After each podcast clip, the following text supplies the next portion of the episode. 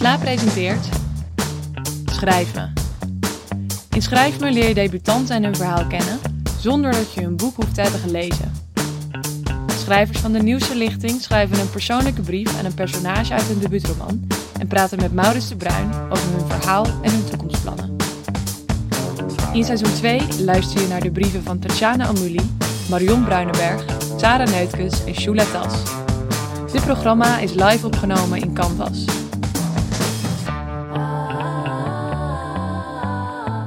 Welkom allemaal bij Schrijf Me, avond van de SLA, Stichting Literaire Activiteiten Amsterdam. Ik ben Maurits de Bruin en vanavond staan er vier debutanten centraal, die hier op de eerste rij zitten. Marion Bruinenberg, Sheila Tas, Sarah Neutkens en Tatjana Omouli. Ik ga ehm, vanavond met hen alle vier in gesprek. Zij hebben alle vier van Sla de opdracht gekregen om een brief te schrijven aan een eh, personage uit hun debuut. En nou ja, zoals gezegd gaan we dan ook over die, over die brief praten. En die brief is eigenlijk de manier waarop jullie die boeken leren kennen, als jullie die nog niet gelezen hebben. Dan gaan we verder met de laatste schrijver van vanavond, Sheila Tas. Uh, ook dat boek gaat over rouw. Ehm, en misschien ook wel over intergenerationele trauma's. um, zeg ik een beetje lacherig. Uh, maar ik mag dat doen. Um, het heet Waar, gezongen wordt. Ik zal even kort uitleggen waar dat boek over gaat. We volgen uh, daarin Shula, die uh, afstudeert aan het conservatorium en samenwoont met V. Um, nadat haar beide ouders kort na elkaar zijn overleden, lukt het haar niet meer om te zingen. Vervolgens duikt ze aarzelend in het verleden van haar familie. Dat doet ze door de dozen die op zolder staan met uh, ja, gezonde tegenzin, mag ik wel zeggen, één voor één te openen. In die zoektocht die daarop volgt, komt ook de Joodse geschiedenis van haar familie naar voren en de schaamte die de Holocaust heeft achtergelaten. Um, ja, voor mij ging het boek over de onmogelijkheid, eigenlijk ook waar we het net een beetje over hadden, om die rouw te rijmen met het dagelijks leven. Met een relatie of met toekomststromen. Uh, aan wie heb jij de brief geschreven? Ja, ik heb. Uh, de, de vraag was om een brief te schrijven aan je personage, aan een personage. Um, en ik kwam daar niet helemaal uit. Want de personages die ik opvoer, het is ook een autofictief boek. Er zijn een aantal personages die echt hebben bestaan, maar waar ik dan een draai aan heb gegeven die ik naar een verhaal toe heb geschreven. En ik kwam er tijdens het schrijven van deze opdracht achter dat ik uh, tegen die mensen eigenlijk alles wel had gezegd. Maar um, ik maak in het boek een vergelijking tussen. Uh, ik voer muziek op als geordend geluid en ruis als ongeordend geluid. En daarnaast hangt eigenlijk nog een ik zou niet echt zeggen een personage, maar de Shula uit het boek heeft er wel degelijk een uh, relatie mee, namelijk de stilte. En daar heb ik uh, een brief aan geschreven. Ja, volgens mij de eerste brief die ik ooit gelezen heb, die aan de stilte is, is gericht. Volgens mij moeten we er gewoon meteen, meteen in gaan duiken. Oké. Wil je hem voorlezen? Ja, dankjewel. Lieve stilte. Het valt me zwaar om deze brief te schrijven. Brieven zoals deze zijn altijd moeilijk, maar ik ga toch een poging doen, want dat ben ik aan ons verplicht. Laat ik beginnen met de belofte dat het niet aan jou ligt. Het ligt allemaal aan mij. Ik herinner me onze eerste echte ontmoeting nog goed. Een late ochtend in een Veluws bos. Het bos was broeierig, er hing onweer in de lucht en het rook naar rijpe herfst. Mijn moeder was net overleden en ik worstelde met de wetenschap dat ik wees was. Mijn benen in een wankele draf, mijn ogen op de grond gericht en opeens was jij daar. Zonder het te vragen omarmde je me. Ik wist tot dan toe niet dat ik je begeerde, maar aan alles voelde ik dat ik wilde dat je me niet meer losliet. En hoewel mijn voeten zich een weg baanden door de natte bladeren, iedere stap een poging om jou te verdrijven, week je niet van mijn zijde. Sinds die dag heb ik veel aan je te danken. Je zal me altijd dierbaar blijven, maar het is tijd dat ik afstand neem. Kijk, lieve stilte, op papier ben je een witregel. Je bent het opbreken van tekst. Je bent het einde van een hoofdstuk, evenveel als het begin van een nieuw verhaal. Kijk, op papier ben je ruimte. Je bent de ruimte die nodig is voor woorden om op hun plek te vallen, om het verhaal compleet te maken. Je bent het moment voorafgaand aan een nieuwe frase. Op papier ben je rust, een paar luttelen tellen. Kijk, op papier ben je een afgebakend geheel, maar hier, in het echte leven, ben je veel diffuser. Ik ging overal naar je op zoek. Je was mijn oogje van de storm, mijn schild, mijn baken. Bij jou kon ik van alles vinden. Bij jou kon ik iedereen zijn. Goed, je was ongrijpbaar en soms moeilijk te bereiken, maar ik voelde ook dat als het erop aankwam, jij paraat zou staan, altijd bereid om mij te verwarmen. Ik wrong mezelf in pijnlijke bochten zodat wij samen kon zijn. Zelfs mijn liefste muziek maakte plaats voor jou. Zelfs mijn eigen stem moest wijken. Je hebt daar niet om gevraagd, dat weet ik, maar ik kon niet anders. Je bent zo kwetsbaar. Voel je daar niet schuldig over? Die kwetsbaarheid vind ik juist mooi aan je. Maar het werd een beetje eenzaam, dat samen zijn van ons. Om jou niet kapot te maken, isoleerde ik me steeds meer. Waar ik ook heen ging, ik had je altijd bij me. En zo werd jij langzaam mijn hele universum. Je werd een taal waarin alleen ik vloeiend was. Een taal die ik met niemand anders spreken kon. Je veranderde van mijn schild naar een wapen waarin ik, waarmee ik me mee om de oren sloeg. En op, de, op den duur herkende ik mezelf steeds minder vaak in jou terug. Op papier ben je neutraal, stilte, maar in het echte leven ben je juist gekleurd. En de stilte waar ik zo van ging houden, die warme stilte uit het bos, die kom ik nog maar zelden tegen. Veel vaker ontmoet ik je nu als kilte, stilte. De kilte die heerst tussen het spreken door. Als er een ruzie wordt beslecht, de stilte die eigenlijk een bewapening is. Of de kilte in het ziekenhuis, die volgde op de laatste piepjes. De stilte die niet valt samen te vatten. In plaats van mijn ruimte werd je mijn gebrek, mijn leegte. Ik durf het bijna niet te zeggen, maar ik ben aan je gaan twijfelen. Ik twijfel of je wel ooit echt bestaan hebt. Ik twijfel zelfs aan onze mooiste momenten, omdat ik je steeds minder kan vinden.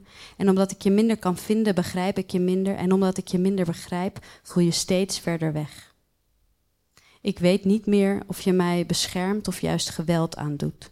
Of je mijn held bent of mijn verrader. Wat ik wel weet, is dat dit geen afscheid is.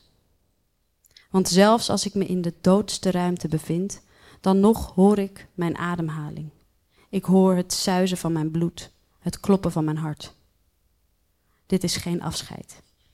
Die stilste stilte, die echte stilte, die kom ik op een dag vanzelf tegen.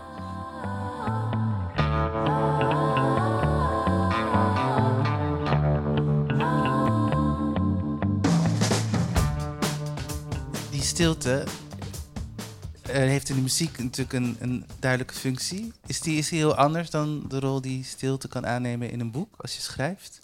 Je zegt dat de vorm die het dan in een boek krijgt is een, is een witregel.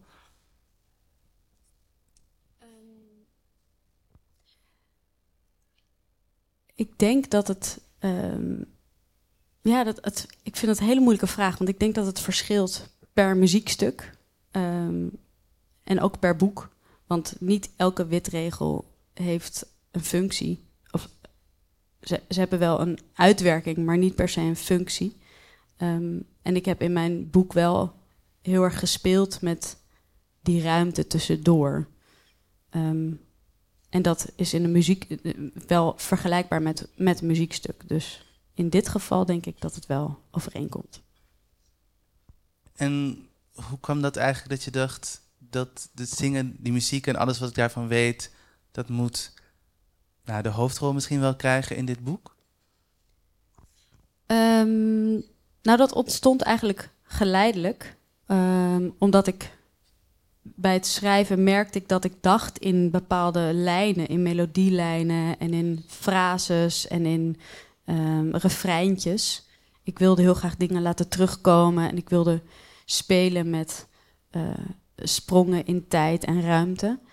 Ehm, en dat is ook niet zo heel gek natuurlijk, want de Shula uit het boek heeft het conservatorium gedaan, maar deze Shula hier ook. Ehm, dus het is, een, uh, het is ook, denk ik, waar ik eigenlijk in geschoold ben, ben ergens. Dat, de muziek speelt altijd een rol daarin. Dus ook al had je het willen loslaten, dan was dat misschien niet gelukt? Nee, ik denk dat dat dan, dan was het geforceerder geworden, denk ik, dan hoe het nu is. Want um, je hebt altijd een beeld van hoe een schrijver hoort te schrijven. Um, en tijdens het schrijfproces van dit boek uh, was het heel bevrijdend juist om te denken: nee, ik ga die vorm loslaten. Ik ga niet in zeg maar lange lappen tekst en ik wil juist uh, die, die ruimte uh, creëren. En heeft het ook wel eens tegen je gewerkt? Dat, dat refrein in je hoofd en al die ideeën over muziek, die je natuurlijk voor een deel duidelijk hebben geholpen? Um, nee, het heeft, me, het heeft me niet tegengewerkt. Um, het heeft me echt wel heel veel vrijheid en ook een kader gegeven. Veel meer, denk ik, dan. Uh, ja, het heeft, me, het heeft me eigenlijk juist gestuurd ook. Omdat je, als je denkt in bepaalde lijnen en melodieën, dan kan je ook zeggen: ja, nou, nou, deze past daar dus niet in, dus het mag weg. Dus ik heb ook dit boek, ik heb denk ik vier keer zoveel geschreven als wat er uiteindelijk in het boek terecht is gekomen, omdat het gewoon niet paste in de lijn. Uh, je gaat ook niet opeens een, uh, een C spelen als er eigenlijk, uh, als het in een, weet ik veel, vies staat, ik zeg maar wat. Um, ja, soms past het en gewoon die, niet. die C en die vies, hoe verhouden ze die zich dan tot, tot je proza? Is dat dan dit is een andere sfeer, of hier is eigenlijk niet hetzelfde personage aan het woord, of hier, dit is een, een onderwerp wat er niet bij past? Um, nou, het is, het is natuurlijk nooit, het is niet een hele, het is niet een hele wiskundige vergelijking of zo. Het is uiteindelijk is het intuïtie, maar ik denk, ik denk dat het wel, het boek staat in een bepaalde toonsoort met een, en, en met muziek maak je ook, je, je, je maakt gebruik van spanning en ontspanning en je werkt naar, naar een hoogtepunt toe. En uh, op het moment dat je een beetje denkt in, in muziek en in dat soort lijnen, dan, uh, dan hoor je ook op een gegeven moment wat er wel hoort en wat er niet hoort. Dus het is, het is, het is, uiteindelijk is het, is het gevoel. En gebeurt dat horen ook in letterlijke zin? Ik lees alles wat ik schrijf altijd voor aan, aan mezelf. Dus in die zin wordt het ook een soort van muziek. In, in, in, het heeft een ritme en, en een klank. Uh, dat is voor mij een beetje de ultieme test als ik schrijf. Geldt dat voor jou ook? Ja, zeker. Uh, uiteindelijk moet het, uh, moet het ritme hebben.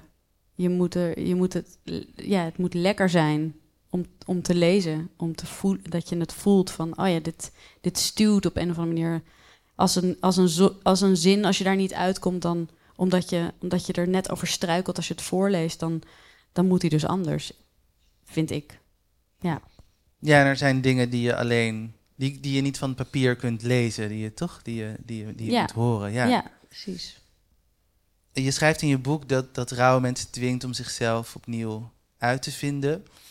Um, hoe, hoe, hoe wilde je dat aan je personage geven? Hoe is het je gelukt om. Het was ook een opdracht voor jezelf, neem ik aan, dan mm -hmm. ook voor het boek. Hè? Dat, dat moet dat personage dus gaan doen. Zichzelf opnieuw uitvinden. Mm -hmm. hoe, hoe ben je daar, daarin te werk gegaan? Ja, um, ja, rouw is inderdaad. Is, is dat je jezelf opnieuw moet uitvinden. En dat komt ook omdat de mensen die je om je heen hebt verzameld, dat zijn spiegels. Dus um, als mensen wegvallen, dan vallen ook die spiegels weg. Dus je hebt een, een zelfrefererend kader, ontbreekt opeens. En uh, de opdracht die ik aan mezelf en aan de Shula uit het boek heb gegeven, is om eigenlijk nieuwe spiegels te bouwen. Om op, op een nieuwe manier uh, zichzelf te toetsen aan de omgeving. En moeten dat altijd mensen zijn of kan dat ook op andere manieren? Nee, dat hoeven denk ik niet altijd mensen te zijn. Dat is in dit boek is dat zijn het wel, maar het zijn ook verhalen. Het zijn ook gebruiken. Het zijn ook uh, ehm, ja, dat hoeft niet per se. Het hoeft niet een mens te zijn. Maar ik heb ook niet per se dat ik denk: een stoel kan ook een spiegel zijn. Maar misschien wel. misschien wel. En, en die, die rituelen, hoe, hoe. Ja. Kun je daar iets over vertellen? Hoe je dat vanuit een familiegeschiedenis vorm kunt geven in je, in je eigen leven? Ja, nou, ehm, fun fact: eh, mijn oma was ook zangeres. En die is ook gestopt met zingen. Ehm, en eh, de rituelen die, die ik in het boek ben gaan uitzoeken, dat zijn ook veel melodieën waar we mee zijn gestopt. Ehm, en eh, dan kom je al heel snel in de Joodse traditie, waar, waar ik niks van heb meegekregen, maar waar, en, en dat, daar zijn we met een reden om gestopt, um, of mee gestopt. dus die rituelen, dat zijn in de eerste instantie waren dat, was dat vooral de muziek. Ehm, ehm, en daar komt dan van alles bij, want dat, die, die, die is ingebed in allerlei gebruiken. En voelde dat soms ook lastig om dat terug te brengen, als dat dus eigenlijk niet meer mocht, om tegen de regels in te gaan? Ja, het, was, het is vooral een, een enorme strijd met waar ik eigenlijk zelf helemaal niet over wilde schrijven ik wilde helemaal niet, ik wilde helemaal niet het hebben over uh, Joods zijn, over de oorlog. Ik wilde dat, dat wilde ik helemaal niet. Maar als je het hebt over spiegels en aan je, je toetsen aan ehm, je omgeving, dan kan je toch niet helemaal daaromheen. Um, dus dat was soms echt heel irritant om daar ondanks mezelf mee geconfronteerd te worden. En wat is dat voor tegenzin? Om daar niet over te schrijven, over dat Jood zijn? Ik kan me er niks bij voorstellen. Eh, nee, hè? Nee. Um, nou, die, die, dat is dit, over deze vraag kunnen we denk ik een hele avond praten. Maar ik denk dat het samen te vatten is in schaamte, gewoon schaamte. Uh, die ook weer heel gelaagd is. Um, um, ja, het is... Het is uh, dat verhaal kennen we nu wel. Daar mag je eigenlijk niet meer mee aankomen. Nee, het is ook echt een beetje van... Ja, gaan we weer. Ja, ja. En dat dwong je misschien ook om er een nieuwe vorm voor te vinden. Ja, dus en dat op een gegeven moment dacht ik, ik liep daar steeds tegenaan. Ik wilde er eigenlijk omheen schrijven, maar dat kan ook niet. Want je moet het wel vol overgaan. Je moet er wel echt voor gaan. Je moet dan wel ook echt een spiegel optuigen voor jezelf. Um, en toen dacht ik op een gegeven moment, ik ga het ook gewoon benoemen. Die weerzin, die, um, die ja, dat eigenlijk geen zin hierin hebben. Wat ik nog steeds, ik heb het nog steeds. Ik vind het heel irritant als mensen het dan heel erg als een Joods boek. Ja, dat vind ik vet irritant. Maar ja, ik snap ook wel weer dat ze dat dan. Er, ja, ze hebben ook haakjes nodig. Maar ja. ja. ja. Heb ik het nu ook gedaan, toch stiekem? nee, maar ja, het, het, zit er ook in. Daar kan je ook niet omheen. Dus uh, ja. Ik ben blij dat je ondanks de tegenzin het toch bent aangegaan. Dankjewel, Sheila. Dank jou.